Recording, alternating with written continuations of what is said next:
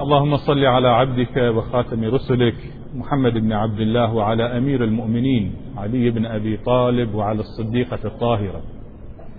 اللهم صل على أئمة المسلمين الحسن والحسين وعلي بن الحسين ومحمد الباقر وجعفر الصادق وموسى الكاظم وعلي الرضا ومحمد الجواد وعلي الهادي والحسن العسكري. اللهم صل على ولي أمرك صاحب العصر والزمان وعجل في فرجه.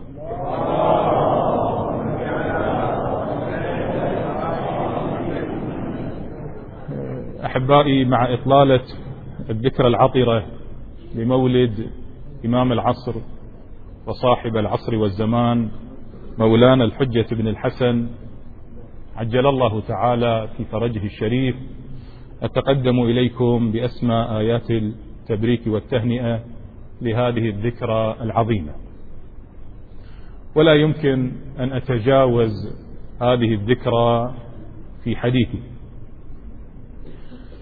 يكفي أن الذكرى ذكرى ميلاد من يشير إليه الخبر المتواتر والمتعلق بزماننا. نحن من مات ولم يعرف إمام زمانه مات ميتة جاهلية.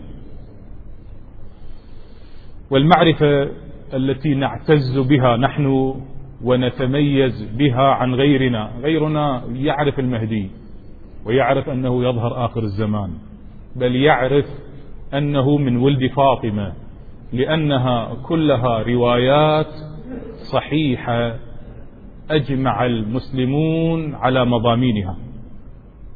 لكن المعرفة التي نعتز بها ونختص بها نحن أننا نتحدث عن شخص محدد هو الحجة بن الحسن العسكري.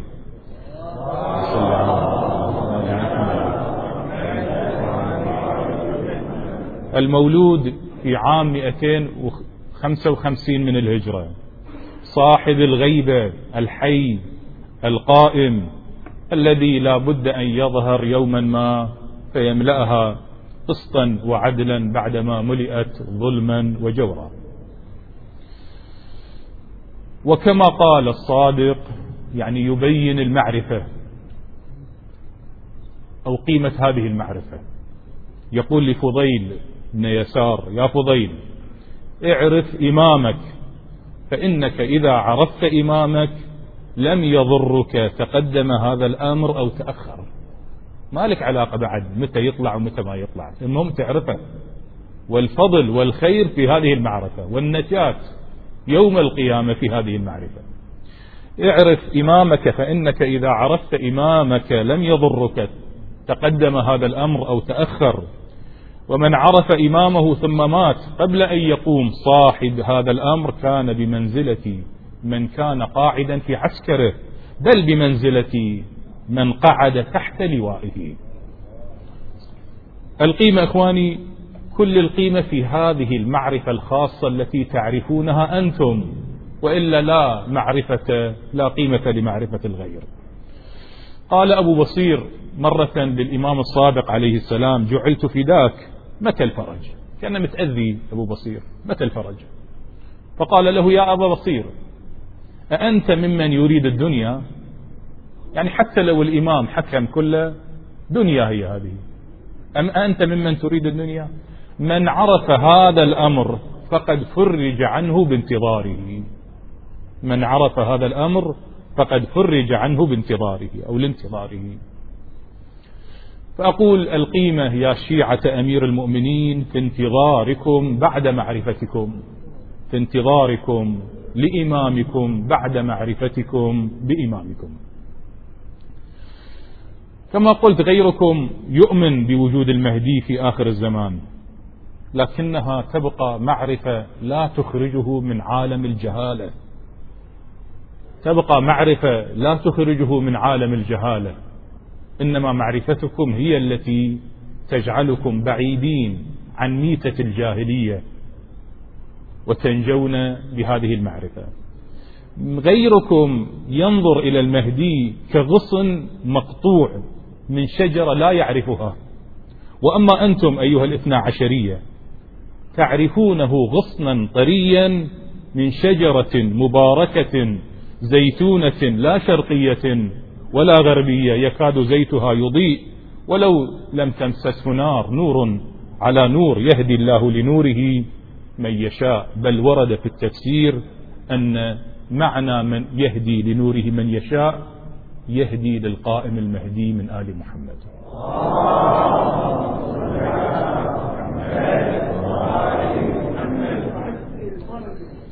إذا أردت أن أشبه الأمر أكثر أنت حينما تأتي في آخر الزمان أنت المؤمن الموالي العارف وترى المهدي وتعرف خصوصياته مميزاته وتأتي إلى الشجرة التي بنيتها في تراثنا الشيعي. تجد أن هذا المهدي يتركب على هذه الشجرة. غيرك شجرته شجرة أخرى. فحينما يأتي بالمهدي بالخصوصيات التي سيظهر بها يركبها على شجرته لا تركب فيكفر بالمهدي. لأن أنت شجرتك محمد علي.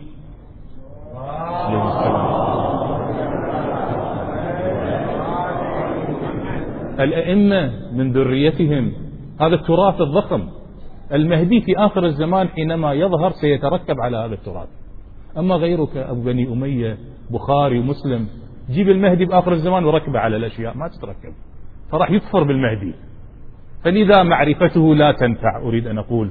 ومعرفتكم هي التي لها قيمة وهي التي تنجيكم وتخرجكم من الجاهلية وعالم الجاهلية. نحن نعرف أن المهدي إذا ظهر يحمل تراث. تراث تعرفه أنت. آلفته. آنست هذا التراث.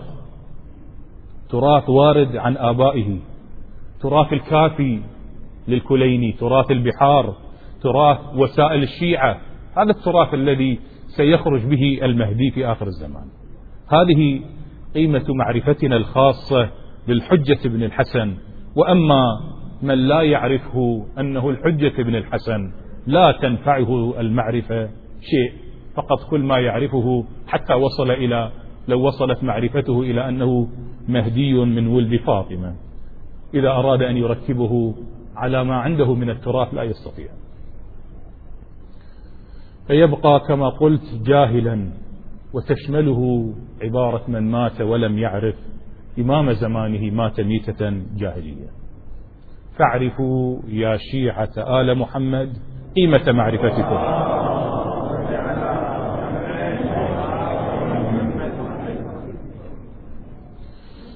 القيمة في أنك تعرف الشجرة كلها لا غصنا مقطوعا عنها وغيرك لا يعرف ذلك. روى روي عن أحدهما عليهما السلام يعني الباقر أو الصادق. لا يكون العبد مؤمنا حتى يعرف الله ورسوله والأئمة كلهم وإمام زمانه ويرد إليهم ويسلم لهم.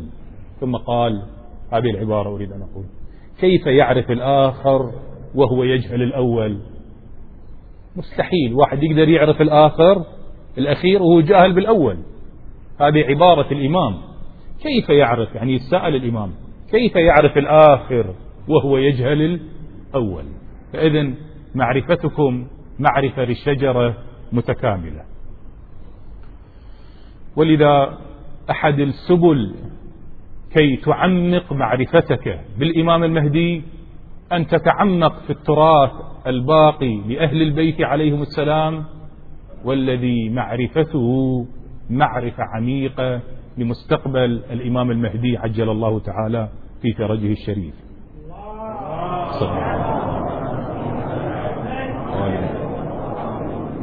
بمقدار ما أنت عميق في معرفة آثار أهل البيت ستكون عميقا في معرفة المهدي من آل محمد.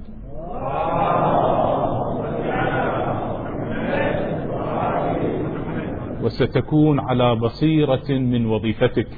في هذا الزمن. في خبر طويل عن الصادق عليه السلام بين في بدايته ضرورة الاهتداء بالحجج أنه صلاتك صيامك أعمالك كلها مرهونة بالحجج معرفة حجج الله. يقول في آخر الرواية اتبعوا رسول الله وأهل بيته وأقروا بما أنزل أنزل من عند الله. واتبعوا آثار الهدى. شوفوا كلمة الآثار. اتبعوا آثار يعني الباقي من الهدى بينكم آثار الهدى. فإنهم علامات الأمانة والتقى. واعلموا أنه لو آمن رجل بعيسى بن مريم وكفر بمن سواه من الرسل لم يؤمن. واعلموا إذا آمن الإنسان بعيسى ابن مريم لكنه كفر بغيره من الرسل. أو العكس أنكر عيسى ابن مريم وآمن بغيره من الرسل. لا يعد مؤمنا. اقتصوا الطريق بالتماس المنار والتمسوا من وراء الحجب الآثار. ترى الإمام يقول أكو حجب راح توصلون في زمن في حجب. الحجاب موجود بيننا وبين الإمام المهدي ولا مو موجود؟ موجود. إذا التمسوا من وراء الحجب الآثار. أي آثار؟ آثار الباقي عن آباء الإمام المهدي. فالتمسوا من وراء الحجب الآثار. تستكملوا أمر دينكم وتؤمنوا بالله ربكم. نحن من وراء حجاب الغيبة. علينا أن نتبع الآثار. بل هي الأدوات التي بها نتعرف على المهدي وحقيقة المهدي. ولذا لا تستبعد أو تستنكر ما ذكره الإمام الصادق بل السند صحيح إلى الإمام الصادق في تفسير قوله تعالى فمن يؤتى الحكمة فقد أوتي خيرا كثيرا. تدري شنو فسر من يؤتى الحكمة قال طاعة الله ومعرفة الإمام. من أطاع الله وعرف الإمام فقد أوتي خيرا كثيرا هذا معنى ومن يؤتى الحكمة فقد أوتي خيرا كثيرا. إذن أردت أن أقول وأحدد وأميز وأبين لك النعمة التي تعيشها ولا يعيشها غيرك. تعرفها ويجهلها غيرك. ليست هي من قبيل نعمة الأكل والشرب إنما نعمة أعظم من هذه. هذه النعمة كل النعم. الله عز وجل يتكرر في كتابه الكريم حينما يخاطب بني إسرائيل. اذكروا نعمتي التي أنعمت عليكم. أهم شيء في الدين أن تتذكر دائما في كل آنات حياتك نعم الله عز وجل. ولذا أيضا يكرر القرآن ويقول وإذ قال موسى لقومه اذكروا نعمة الله عليكم. وفي هذه الآية يقول أي نعمة؟ إذ أنجاكم من آل فرعون. وإذ قال موسى لقومه اذكروا نعمة الله عليكم إذ أنجاكم من آل فرعون. لكن النجاة من آل فرعون أصغر نعمة أنعم الله بها على بني إسرائيل. هذه النعم الكثيرة التي حدثت في أيام محددة ولذا يقول عز وجل لموسى وذكرهم بأيام الله. أي أيام هي؟ أيام النزول النعم عليهم. يعني ذكرهم بيوم نجاتكم من فرعون. لأن هذه نعمة. إذ أنجاكم من آل فرعون. ولهذا النجاة يوم. فإذا اذكروا النعمة وإذكروا يوم النعمة حينما قال وذكرهم بأيام الله. لكن أريد أن أقول أنها أصغر نعمة أنعم الله بها على بني إسرائيل. إنما النعمة الأعظم على بني إسرائيل ما ذكر في قوله تعالى يا بني إسرائيل اذكروا نعمتي التي أنعمت عليكم وأني فضلتكم على العالمين. إن فضلهم على العالم في ذاك الزمن. هذه النعمة الكبرى.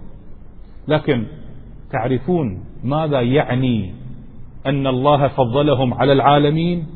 لا تجد تفسير لتفضيل بني إسرائيل على العالمين إلا في قوله تعالى وإذ قال موسى لقومه يا قوم اذكروا نعمة الله عليكم إذ جعل فيكم أنبياء وجعلكم ملوكا وآتاكم ما لم يؤتي أحدا من العالمين. يعني النعمة أنتم فضلكم على العالمين. لكن ليش فضلكم؟ لأن جعل فيكم أنبياء وجعلكم ملوكا وآتاكم ما لم يؤت أحدا من العالمين. يعني حقيقة أفضلية بني إسرائيل مو نابعة من بني إسرائيل نابعة من الجواهر اللي الله اختارها من البشر وحطها في بني إسرائيل. هذه الجواهر التي اختارها الله وجعلها من بني إسرائيل سببت أن الله عز وجل يقول لهم اذكروا نعمة الله عليكم وأني فضلتكم على العالمين. هذه الحقيقة يجب أن تكون بيدكم. طبعا الأنبياء واضح أما شنو جعل منكم ملوكا؟ جعل منكم ملوكا ما في قوله تعالى إن الله بعث لكم طالوت ملكا. الله عين طالوت ملك عليهم. إذن جعل فيكم أنبياء وجعلكم ملوكا أيضا. أما أمة النبي الخاتم أليست هي أفضل من بني إسرائيل؟ ألم تفضل على الأمم السابقة؟ هي أفضل من بني إسرائيل ولذا قال عز وجل كنتم خير أمة أخرجت للناس. إذا خيريتنا من أين تنطلق ترى؟ من نفس الحقيقة. لأن الله جعل فينا جواهر. هذه الجواهر التي جعلها الله فينا هي التي سببت أننا خير أمة. جواهر محمد وآل محمد.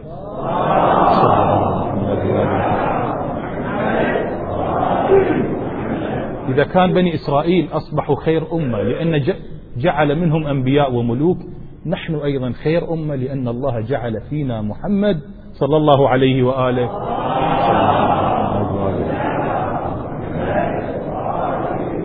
والملوك من ذريته.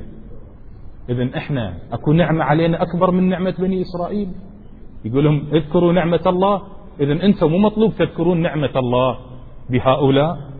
النعمة التي عندكم أعظم من النعمة التي عند بني إسرائيل. لذا قال عز وجل عن رسوله الكريم لقد من الله على المؤمنين إذ بعث فيهم رسولا من أنفسهم. من؟ لأن نعمة. فلذا من الله عز وجل. لكن متى اكتملت النعمة؟ لم تكتمل إلا في يوم واحد. حينما قال عز وجل اليوم أكملت لكم دينكم وأتممت عليكم نعمتي ورضيت لكم الإسلام دينا. يوم تعيين الملك الأول علي بن أبي طالب عليه السلام في غدير خم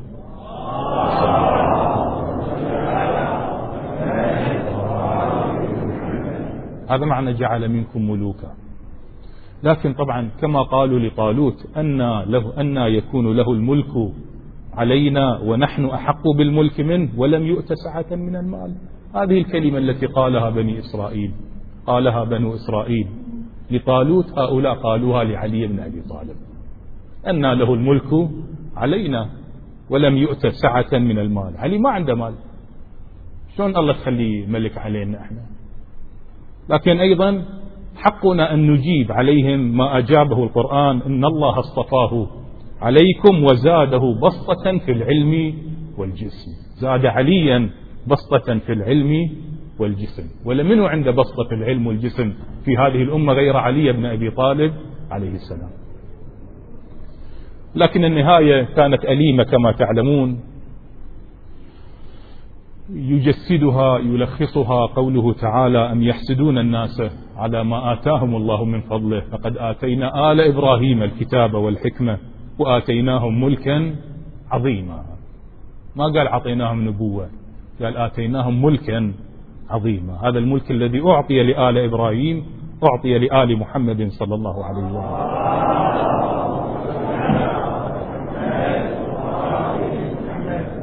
خلاصة كلامي يقول اذكروا نعمة الله عليكم بآل محمد.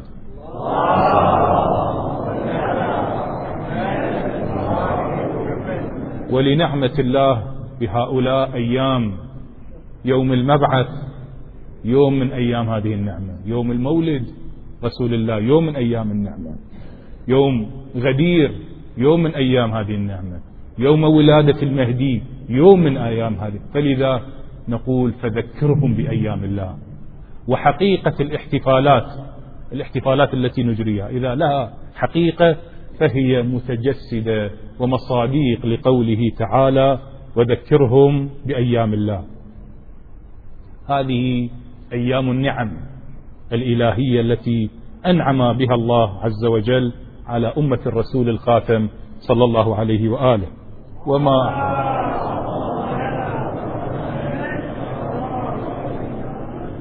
وما أعظمها من نعمة هي التي جعلتنا خير أمة أخرجت للناس وهي التي صححت أن يقال لنا آتاكم الله ما لم يؤت أحدا من العالمين. فهنيئا لكم شيعة آل المصطفى معرفتكم بإمام زمانكم الملك المعين من قبل الله ولي الأمر الذي فرض الله عز وجل طاعته دون ملوك الدنيا الذين يستمدون سلطانهم من القهر والغلبة. لذا من الأدعية التي وردت وتكررت الروايات يعني تكرر الروايات أنا أعتبره أمارة على الصحة. تكررت روايات فيه قال زرارة للصادق إذا أدركت ذلك الزمان أي شيء أعمل؟ قال ادعو بهذا الدعاء. اللهم عرفني نفسك فإنك إن لم تعرفني نفسك لم أعرف نبيك. اللهم عرفني رسولك فإنك لن لم تعرفني رسولك لا أعرف حجتك. اللهم عرفني حجتك فإنك إن لم تعرفني حجتك ضللت عن ديني. اللهم صل على محمد وآله ولا تزغ قلوبنا بعد إذ هديتنا وصل على خير خلقك.